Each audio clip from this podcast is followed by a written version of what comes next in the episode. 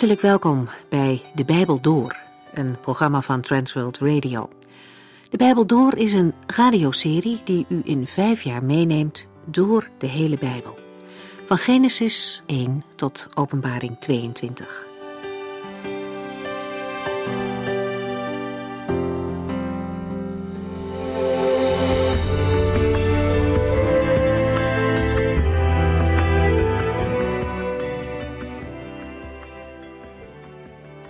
Lieve mensen, welkom.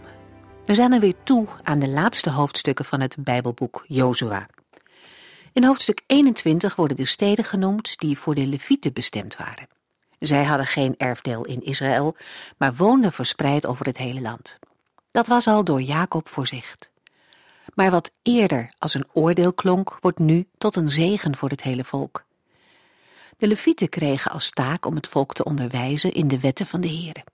Bij allerlei gelegenheden brachten zij offers ten behoeve van de Israëlieten. Het blijft geweldig om te zien dat de Heere veel zegen kan brengen in situaties die moeilijk lijken. In totaal krijgen de Levieten 48 steden. Aan het eind van deze gedeelte over de verdeling van het beloofde land wordt samengevat dat de Heere zich heeft gehouden aan zijn belofte. Alles wat hij heeft gezegd, heeft hij ook gedaan. En dat is zo kenmerkend voor de Heere God. De Israëlieten namen het land in bezit, ze gingen er wonen. En de Heere gaf hun aan alle kanten vrede, precies zoals hij had gezegd. Niet één van de vijanden heeft voor Israël kunnen standhouden.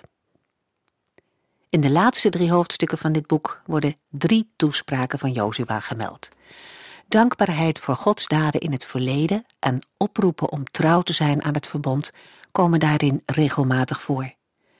Het gaat daarbij vooral om het dienen van de Heere in het beloofde land, ook als Jozua er niet meer is. Want alleen door gehoorzaamheid aan en het dienen van de Heere, dan is de toekomst veilig.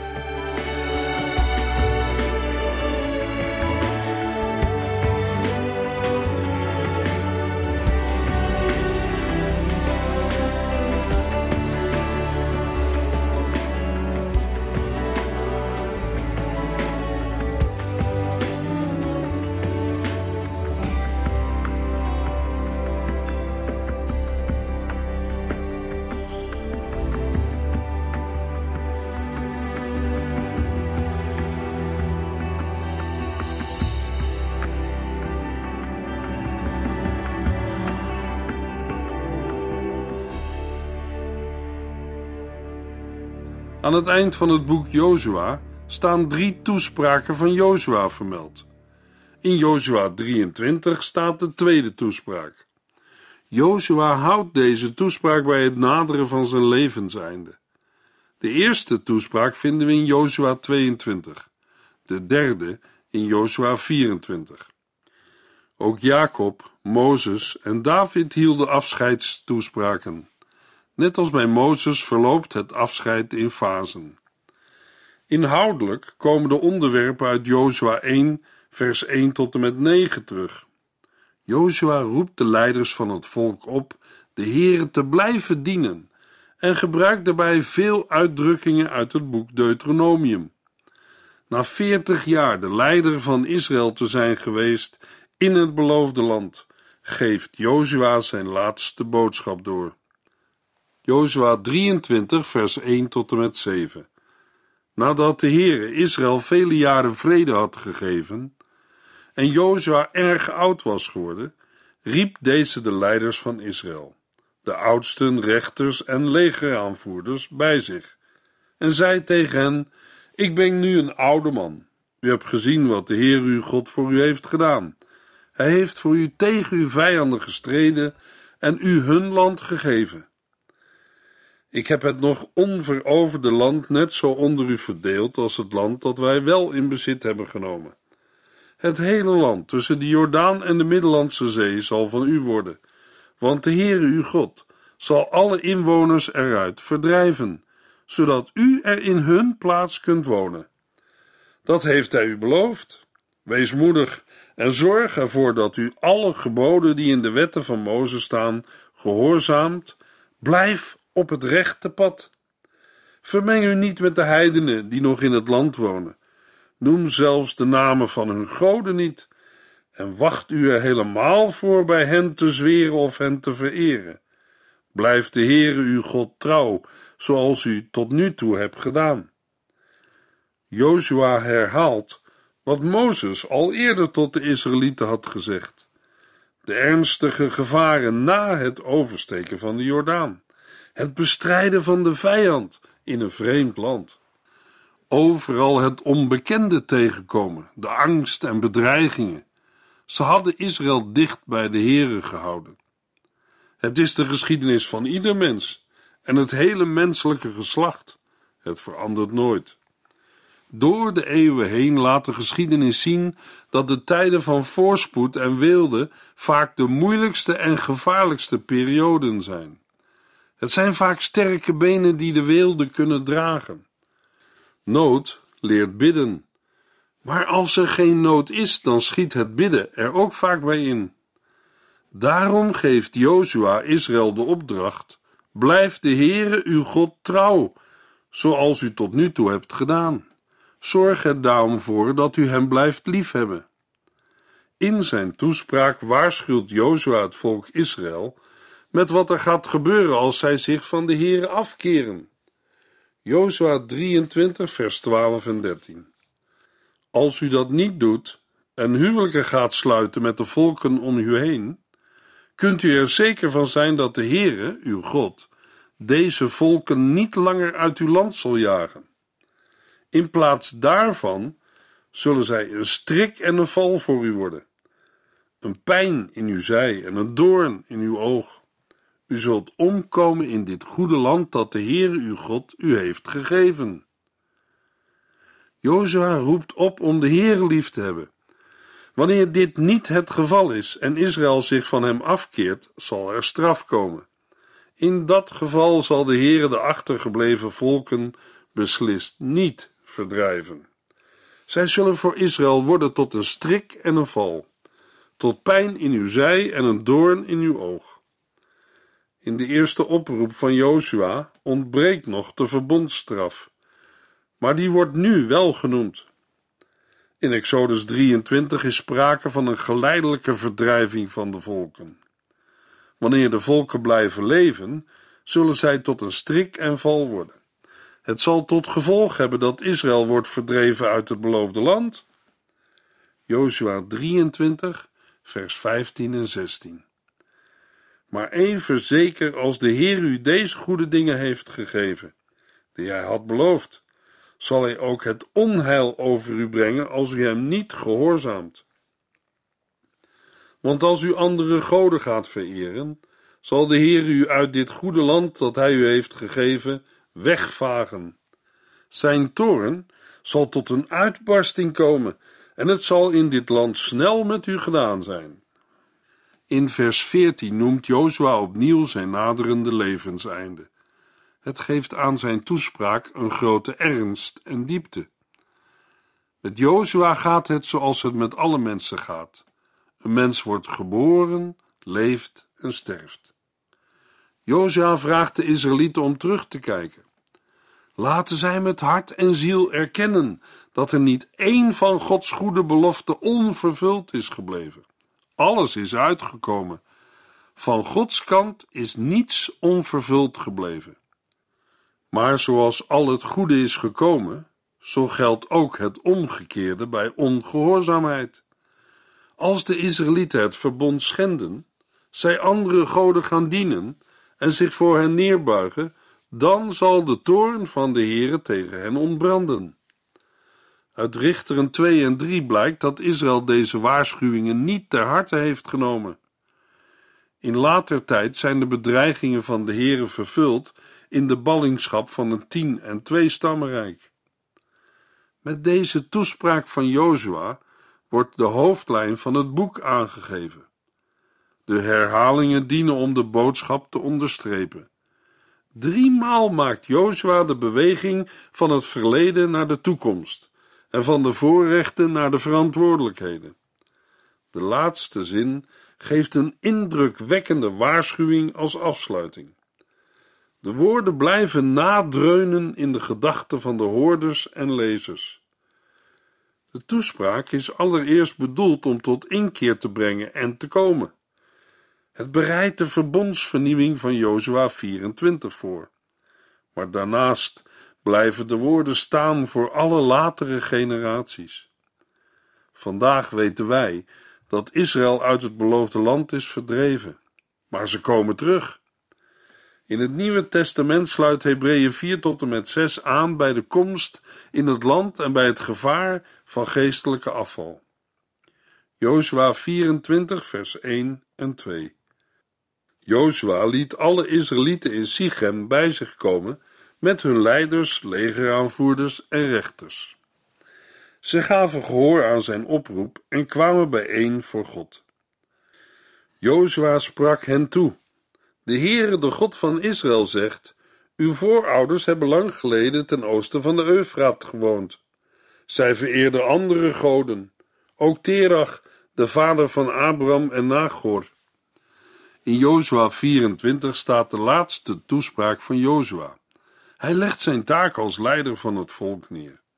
De redenvoering loopt uit op een plechtige vernieuwing van het verbond tussen de Heer en zijn volk Israël. Enige tijd na de tweede redenvoering vergadert Jozua alle stammen van Israël te Sichem. Hij ontbiedt de leiders van Israël, zijn legeraanvoerders en rechters. In de Hebreeuwse grondtekst worden vier groepen genoemd. Zij stellen zich voor het aangezicht van de Heer. Het geeft aan dat er een altaar moet zijn geweest in Sichem, of dat de ark van het verbond er tijdelijk was. De toespraak van Jozua en de verbondsluiting bevatte elementen die ook in het oude verdragsrecht naar voren komen. Het eerste deel van vers 2 is een inleidende zin, een preambule. Vers 2b tot en met 13 vormt de historische proloog. De verdragsbepalingen staan in de versen 14 tot en met 18 en vers 19 en 20 verwijzen naar zegen en vloek. Drie keer verklaart het volk: Wij kiezen voor de Heere. De bezwering van het verbond in de versen 16, 21 en 24. De getuigen van het verbond worden genoemd in vers 22 en 27. En de schriftelijke vastlegging wordt gemeld in vers 26. Jozua gebruikt een zogenaamde bodeformule en kan daardoor in de directe rede in de ik-vorm verder gaan. Bij een verdrag in de oudheid werden eerste partijen geïntroduceerd. Hier blijkt direct al dat Yahweh de God van Israël is en dat de Heere bij het volk hoort. Het valt op dat er in vers 2 achtergrondinformatie wordt gegeven over Abraham en zijn familie. Toen de Heere Abraham riep om Ur der Galdeeën te verlaten, riep de Heere hem weg van de afgodenverering, want zijn vader Terach aanbad andere goden. Waarom heeft de Heere dat gedaan? In de tijd van de torenbouw van Babel verlieten de mensen massaal de Heere God. Niemand diende nog de Heere. Na de spraakverwarring bij de toren van Babel verspreidden de mensen zich over de hele aarde. Zij die dezelfde taal spraken kwamen bij elkaar en zochten een eigen gebied om te wonen en te leven. Zij namen de herinnering aan de enige ware God wel met zich mee. Dat is ook de reden waarom zelfs heidense stammen nog enige kennis bezitten van de Heer en zijn daden. Na de spraakverwarring bij de torenbouw van Babel was er ook een algehele geestelijke verwarring. Een verwoording van die situatie vinden we in de woorden van de apostel Paulus in Romeinen 1, vers 18 tot en met 23. Vanaf vers 21 lezen we: Hoewel de mensen in staat waren God te kennen, wilden ze hem niet de eer geven die hem toekomt, en hem niet eens danken voor alles wat hij heeft gedaan. Zij hielden zich met allerlei ideeën bezig. In hun verdwazing raakten zij het spoor bijster, hoewel ze dachten dat ze alles wisten. Waren ze in werkelijkheid dom? In plaats van de eeuwige God te eren, maakten zij afgodsbeelden van sterfelijke mensen, vogels, zoogdieren en reptielen. Na de spraakverwarring waren de mensen het spoor bijster. Wat had de Heer in zo'n situatie moeten doen? Iets wat ook in overeenstemming was met wie hij was, met zijn persoon, met zijn goddelijke eigenschappen en karakter. Natuurlijk, net als bij de zondvloed, had de Heer het hele menselijke geslacht in één keer van de aarde kunnen wegvagen. Hij kon de aarde zo kaal maken als de oppervlakte van de maan, maar dat deed de Heer niet. Hij wilde zijn schepping en de mensheid redden en herstellen. Toen begon de Heer met één man, Abraham. Abraham moet diep in zijn hart al de wens hebben gehad de ware en levende God te leren kennen. Abraham was niet met het geloof in de Heer opgegroeid. God riep hem weg van zijn familie en omgeving, waarin de afgoden werden aanbeden en gediend. Het plan van God was dat hij Abraham wilde maken tot een groot volk. Een volk waaruit in later tijd de Messias, de verlosser van de wereld, geboren zou worden. De Heer liet het volk groeien tussen de tichelstenen van Egypte. Toen heeft hij zijn volk bevrijd uit de slavendienst van Egypte. De Heere zegt in Jozua 24, vers 5 tot en met 7. Toen stuurde ik Mozes en Aaron om vreselijke plagen over Egypte te brengen en bevrijdde ik mijn volk uit dat land. Maar toen u bij de Rietzee kwam, achtervolgd door de Egyptenaren met hun strijdwagens en ruiters, riep u mij te hulp. Ik legde duisternis tussen u en de Egyptenaren. De zee liet ik op de Egyptenaren los, zodat zij verdronken. U zag wat ik deed. De Israëlieten brachten daarna vele jaren door in de woestijn. De Heere toont in het vervolg zijn voortdurende zorg aan Israël. Hij bevrijdde hen van de Amorieten die tegen hen vochten en van Biliam die hen wilde vervloeken. Hij deed hen de Jordaan overtrekken en bevrijdde hen van de inwoners van Canaan die tegen hen vochten. Jozua 24 vers 13 Ik gaf u land waarvoor u niet had gewerkt en steden die u niet zelf had gebouwd dezelfde steden waarin u nu woont. Ik gaf u wijngaarden en tuinen met olijfbomen om u van voedsel te voorzien, ook al plant u ze niet. Nu heeft het volk Israël zich in het land gevestigd. Maar omdat zij de Kanaanieten nog niet volledig hadden verdreven, waren zij omringd door afgodendiensten. Daarom waren zij in groot gevaar. Jozua realiseerde zich dat en daarom roept Jozua hen op zich volledig toe te wijden aan de Heere en hun leven helemaal in zijn handen te leggen en naar hem te luisteren. Jozua 24 vers 14 en 15 Heb daarom diep ontzag voor de Heere en dien hem oprecht en trouw. Doe de afgodsbeelden, die uw voorouders aan de Eufraat en in Egypte vereerden, voor altijd weg. Aanbid alleen de Heere. Maar als u de Heere niet wilt gehoorzamen, besluit dan vandaag nog wie u wel wilt gehoorzamen. Zullen dat de goden van uw voorouders aan de overzijde van de Eufraat zijn, of de goden van de Amorieten in dit land? Maar ik en mijn gezin, wij zullen de Heere dienen. Joshua trekt de consequentie uit het voorafgaande en formuleert de basiseis van het verbond en daarmee van de verbondsvernieuwing. Hij roept het volk op de Heere te vrezen, hem oprecht en trouw te dienen. Vervolgens noemt Jozua nog de mogelijkheid dat zij de Heere niet willen dienen. Dan kunnen ze vandaag nog de keuze maken tussen de goden die hun vaderen dienden aan de overkant van de Eufraat of de goden van de Amorieten in het land waar ze nu wonen. De Israëlieten moeten nu tot een beslissing komen, nadat ze Gods zegeningen hebben ontvangen. De verkiezing van Gods kant dwingt tot een keuze van de kant van mensen. Jozua houdt hen geen neutrale, objectieve keuze voor tussen drie alternatieven, maar belicht de noodzaak te reageren op Gods daden. Het is niet mogelijk vrijblijvend te geloven. Geloof uit zich in daden. De uitdrukking besluit dan vandaag nog geeft aan dat de keuze niet kan worden uitgesteld. Jozua geeft zelf het goede voorbeeld. Hij kiest er met overtuiging voor dat hij en zijn huisgezin de Heere zullen dienen. Wat zal het antwoord van het volk zijn? En als de Heer hetzelfde vandaag aan u vraagt, luisteraar, wat is dan uw antwoord? Jozua 24, vers 16 tot en met 18. Het hele volk antwoordde: Wij zullen de Heere nooit verlaten om andere goden te gaan vereren, want de Heer is onze God. Hij heeft onze voorouders uit de slavernij in Egypte bevrijd. Hij is de God die machtige wonderen heeft gedaan voor de ogen van Israël toen wij door de woestijn trokken. Hij heeft ons ook beschermd tegen onze vijanden toen wij door hun land reisden.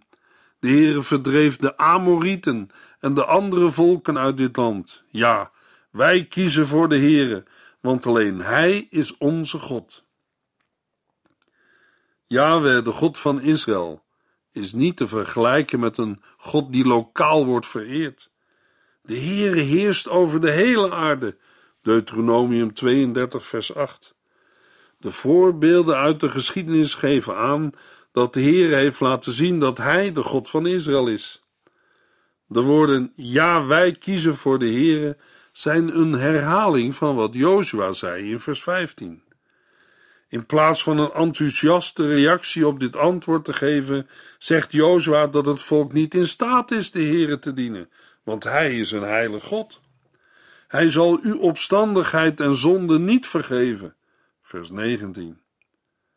Jozua 24, vers 20. Als u hem de rug toekeert en andere goden gaat vereren, zal hij zich tegen u keren en u vernietigen, ook al heeft hij al die tijd nog zo goed voor u gezorgd. Maar het volk Israël bevestigt de eerdere keuze door nee te zeggen tegen het alternatief en te verklaren dat zij de Heere zullen dienen. Maar het volk verklaarde opnieuw: wij kiezen voor de Heere vers 21. Na deze tweevoudige verzekering plaatst Jozua het volk onder ede. Hij zegt dat zij getuigen zijn tegen zichzelf en dat zij nu voor de Here hebben gekozen. Dat is geen overbodige herhaling, maar een officiële verklaring nadat de voorbereidende vragen zijn gesteld. De Israëlieten zijn nu getuigen van hun eigen uitspraken en dat kan later tegen hen worden gebruikt. Jozua 24, vers 25 en 26. Daarom sloot Jozua die dag bij Sichem een overeenkomst met hen, waarbij zij zich verbonden tot het houden van de wet en rechten die Jozua vaststelde. Jozua schreef het antwoord van het volk in het wetboek van God, nam een grote steen als gedenkteken en plaatste die onder de eik die naast de tabernakel stond. Dit was een heilige plaats voor de Heere. Met andere woorden, Jozua schreef deze overeenkomst op dezelfde rol waarop ook de vijf boeken van Mozes stonden. Het is geen nieuw verbond, omdat de bepalingen al eerder zijn gegeven. Daarom is het mogelijk te spreken over een verbondsvernieuwing, waarbij oude bepalingen opnieuw bekrachtigd worden. De overeenkomst vloeit voort uit het verbond aan de Sinai, Exodus 24, en de vernieuwingen daarvan in Deuteronomium 27 en Jozua 8. Alles wordt schriftelijk vastgelegd. Daarnaast neemt Jozua een grote steen en richt die op, op een heilige plaats voor de Heere. Jozua zegt daarbij tot het hele volk: Deze steen zal tegen u getuigen als u uw woord niet houdt. Jozua 24, vers 28. Daarna stuurde Jozua de mensen terug naar hun eigen woonplaats. De taak van Jozua is hiermee voltooid. Met deze verbondsvernieuwing legt Israël zich vast voor de toekomst. De verdere geschiedenis van het volk, ook in het boek Richteren of Rechters, moet tegen deze achtergrond gelezen worden. Jozua 24, vers 29 en 30.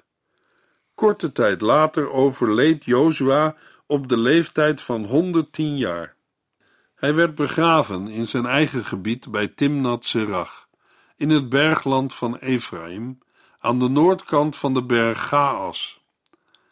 Het slot van het Bijbelboek Jozua vermeldt drie begrafenissen, waarbij die van Jozua als eerste genoemd wordt.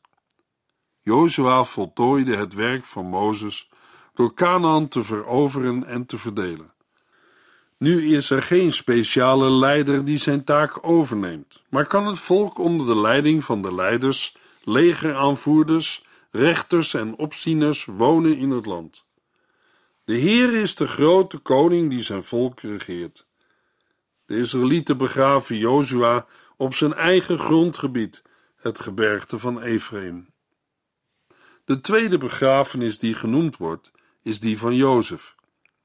Het gebeente van Jozef, dat de Israëlieten uit Egypte hebben meegenomen, wordt bij Sichem begraven. De korte historische mededeling laat zien hoe de tijden zijn veranderd. Eerst had Israël alleen een begraafplaats, maar nu hebben de nakomelingen van Jacob een eigen land en erfdeel. Jozefs geloof is uitgekomen. De derde begrafenis betreft Eleazar, de zoon van Aaron. Men begraaft hem op de heuvel die aan zijn zoon Pinegas is gegeven, in het gebergte van Ephraim. De drie graven getuigen van de trouw van Gods beloften. De dood heeft niet het laatste woord, maar is uitzicht op Gods voortgaande werk. Hier is nog geen sprake van zicht op het leven na de dood. De nadruk ligt op het wonen in het beloofde land. Later wordt de lijn doorgetrokken, want de God van Abraham, Isaac en Jacob is geen God van doden, maar van levenden. Matthäus 22, vers 32. Waarmee Jezus wijst op de opstanding uit de dood. In de volgende uitzending gaan we lezen in het Bijbelboek Richteren of Rechters.